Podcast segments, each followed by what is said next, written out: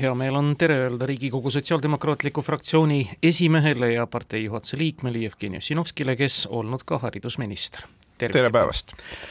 Jevgeni oli siis haridusminister aastal kaks tuhat neliteist ja kaks tuhat viisteist Taavi Rõivase esimeses valitsuses. tänane valitsusliit Jevgeni on keerulises olukorras, õpetajate kiiremaks palgatõusuks tuleks kohe leida kümme miljonit, lisaks tuleb leida kate siis umbes veel ka miljardile. millist lahendust näevad hariduskriisile, kui seda võib nüüd nii nimetada, sotsiaaldemokraadid? Me näeme seda, lahendus on kaheastmeline ja tegelikult ei ole ta nii keeruline midagi. et äh, praeguses seisus, kus streik käib ja hariduse andmine on Eesti Vabariigis laial, laias laastus katkenud, on äh, mõistlik õpetajate nõudmisele vastu tulla, need kümme miljonit eurot leida, et selle aasta alampalga määra kergitada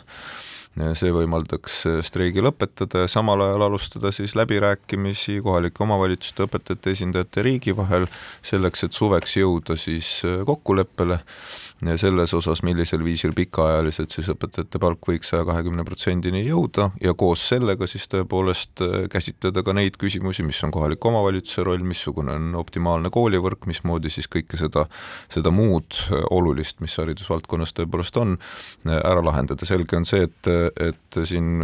siis, kui streik käib, lähimate päevade jooksul seda pikka lahendust tulla ei saa, sellest tulenevalt on vaja koolides töörahu taastada, selleks kümme miljonit eurot eraldada ja siis tõepoolest juba, juba töötada pikemaajalise lahenduse kallal. Järgnevatel aastatel tuleb kusagilt leida miljard, et majanduse nina taas vee peale tõuseks, siin on kaks võimalust. kas tõmmata kokku mõnda valdkonda või tõsta makse. Või on mingi kolmas võimalus või neljas võimalus, miljard, suur raha no üldiselt eks alates selle valitsuse esimestest päevadest on, on ju see meie pikaajaline äh, riigi rahanduslik olukord olnud ju terava avaliku arutelu all ja ka loomulikult poliitiliste diskussioonide objekt et meie püsikulud protsendina SKP-st kasvavad, meie püsitulud protsendina SKP-st vähenevad ja loomulikult see jätkusuutlik ei ole. sinna juurde on kasvanud laenamise kulud seoses ähm, intresside kasvuga, mis, mis mõjutab ka riiki lisaks igale ähm, siis majapidamisele ja, ja kahtlemata ka see, et laiem majanduskonjunktuur ei ole, ei ole kaugeltki soodne, on, on see kontekst, kus neid otsuseid tuleb teha. ja need otsused on tõepoolest noh, kolmeosalised erinevaid võimal-, võimalusi on kolm. ehk siis lisaks nimetatud kahele, ehk siis kulude kokkutõmbamine, mida on tehtud, maksude tõstmine, mida on ka tehtud, on, on loomulikult ka kolmas, milleks on siis eelarve tasakaalu reeglite lõdvendamine, mida on ka tehtud nii et eks see on kombi-, kombinatsioon nendest kõigist ja loomulikult selle nagu õige tasakaalu paika sättimine ei olegi kerge ülesanne, see tekitabki vaidlusi nii valitsuses sees kui ka ühiskonnas laiemalt ja, ja loomulikult et äh, lähimatel kuudel seisab äh, ka koalitsioonil ees olulisi otsuseid selles kontekstis laias laastus on mulje jäänud, et selle kümne miljoni leidmine, mis kustutatakse esialgset tulekahju ja taastaks koolides töörahu, on ainult tahte küsimus. lihtsalt on küsimus selles, et kõik näitavad üksteisele näpuga, kus see raha leida ja kes on mida nüüd täpselt tegemata jätnud.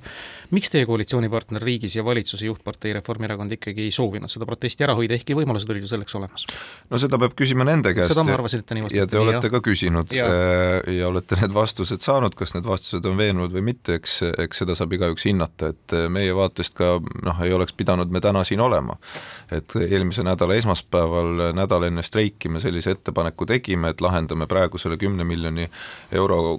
küsimuse ära, streik, streiki ei toimu ja lepime kokku siis need järgmised pikaajalised plaanid ja lahendused. paraku Reformierakond sellega kaasa ei tulnud, ei ole kaasa tulnud siiamaani. kuulge mm PISA testide kõrged tulemused on kindlasti hea näitaja, ajakirjandus pöörab sellele alati tähelepanu, lapsevanemad on rõõmsad, aga mis toimivat koolivõrku või toimivat haridussüsteemi veel iseloomustab lisaks nendele PISA testidele? milline oleks see ideaalne haridusmaastik, mis oleks ka võimalik ellu rakendada? no esiteks, eks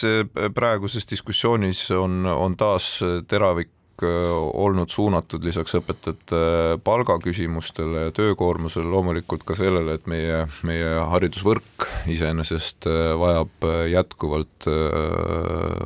siis optimeerimist. Ja selles osas ega kellelgi mingit, mingit vastuvaidlemist ei ole, vaidlused on selles osas, et kuidas seda täpselt teha.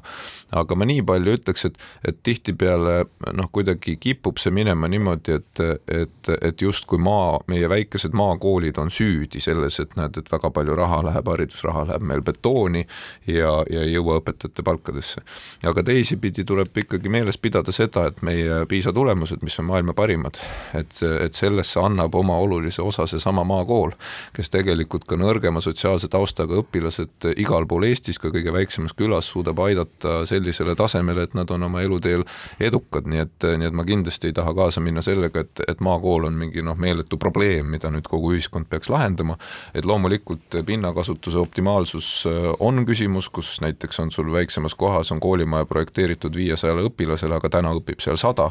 äh, ehk siis äh, optimeerida saab, see eeldab täiendavaid investeeringuid, aga arvata, et noh, sealt nüüd vabaneb kümneid ja kümneid miljoneid selleks, et õpetajate palka tõsta, et, et see, see lihtsalt ei ole realistlik. vabandust, kui ma eksin, ma pean üsna robustselt küsima, kas hariduskriisi tänase streigi lahendamine, koolirahu majja toomine, see põhimõtteliselt tegode küsimus ju?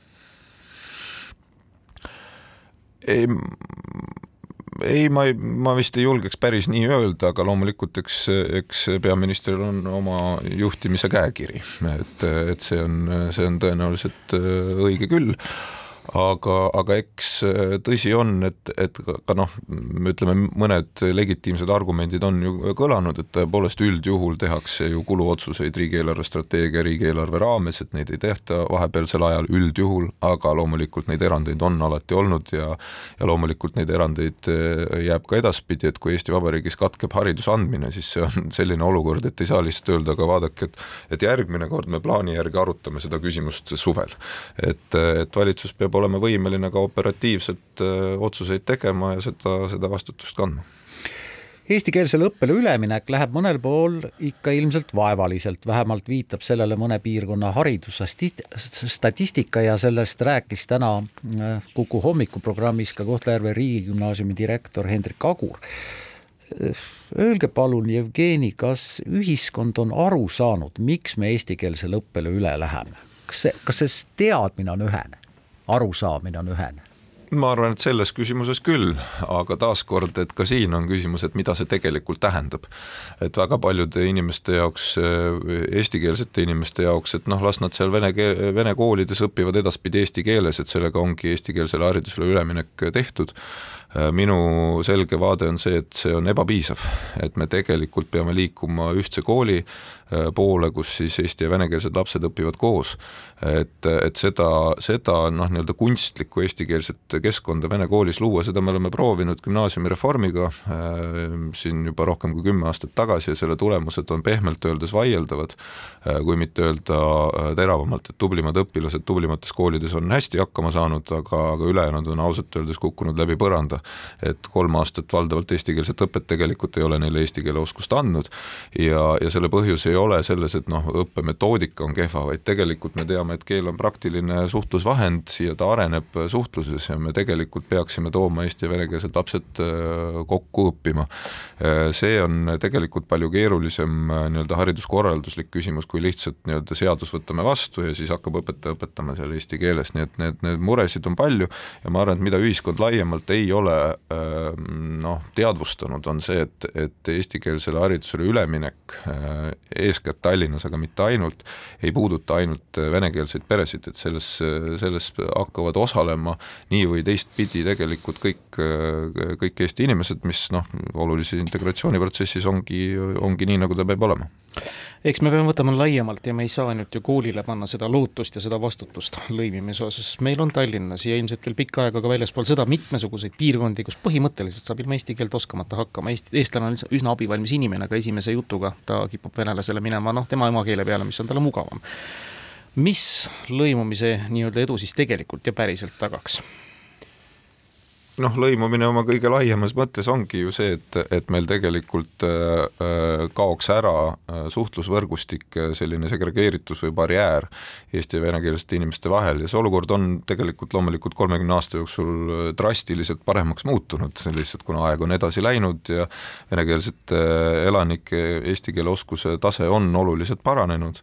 ja, ja selles mõttes ähm, on, on, on see trend igal juhul õige, aga, aga kahtlemata kool, segregeeritud koolisüsteem on jätkuvasti üks nendest äh, asjaoludest, mis taastoodab seda, seda eraldatust. Ja see on see, kus me peaksime selle haridusreformi raames siiski üheskoos otsima neid lahendusi, kuidas järk-järgult äh, seda segregatsiooni äh, vähendada. Ja kindlasti Tallinnal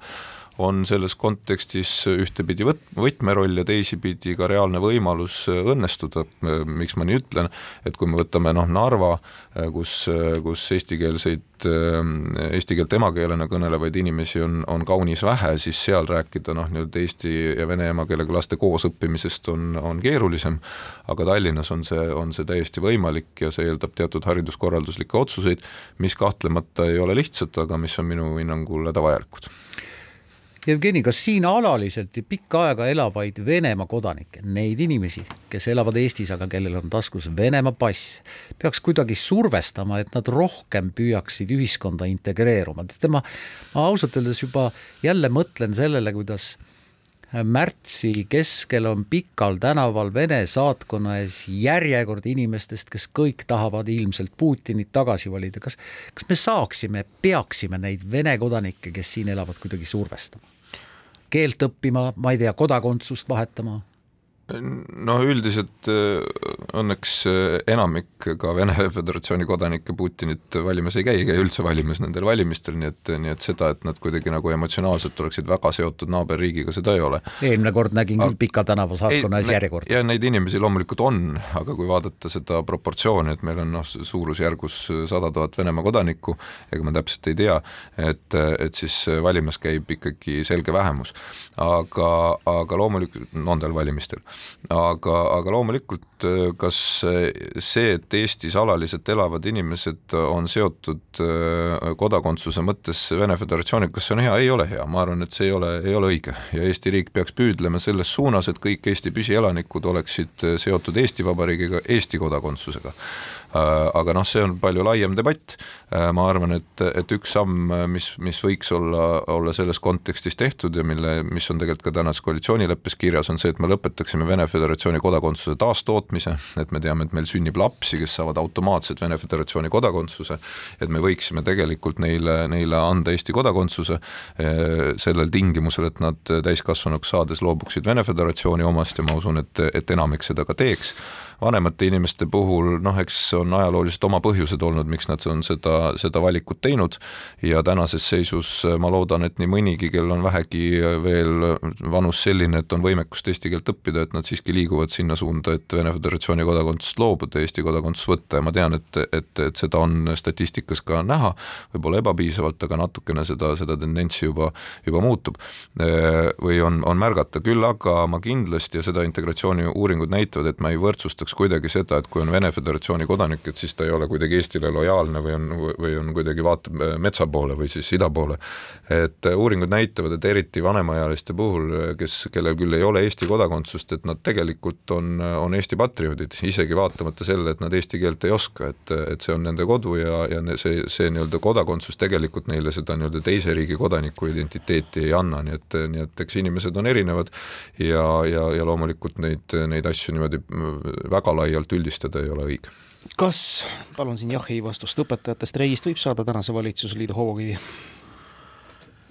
Ei, ma ei usu, ma, ma tõepoolest loodan, et, et siiski me liigume hetkel ja ma olen nii-öelda mõõdukalt optimistlik, et me siiski liigume selles suunas, et, et partnerite veenmistöö annab tulemust, et, et me oleme laias laastus ühel meelel selles osas, et, et mis on see nii-öelda pikaajalise kokkuleppe tingimused, et, et kuhu siis riik võiks läbirääkimisi, läbirääkimistesse minna ja mis sihiga, selleks, et õpetajate palka õnnestuks tõsta saja kahekümne protsendini keskmisest ja see noh, küsimus kümnest miljonist, miljonist ausalt öelda, et, et see on eelarve suures pildis nii äh, väike summa, et äh, hea tahte märgina valitsus peaks selle leidma ja ma, ma küll loodan, et, et see, see otsus tuleb võimalikult ruttu aitäh, et tulite, Jevgeni Ossinovski! aitäh!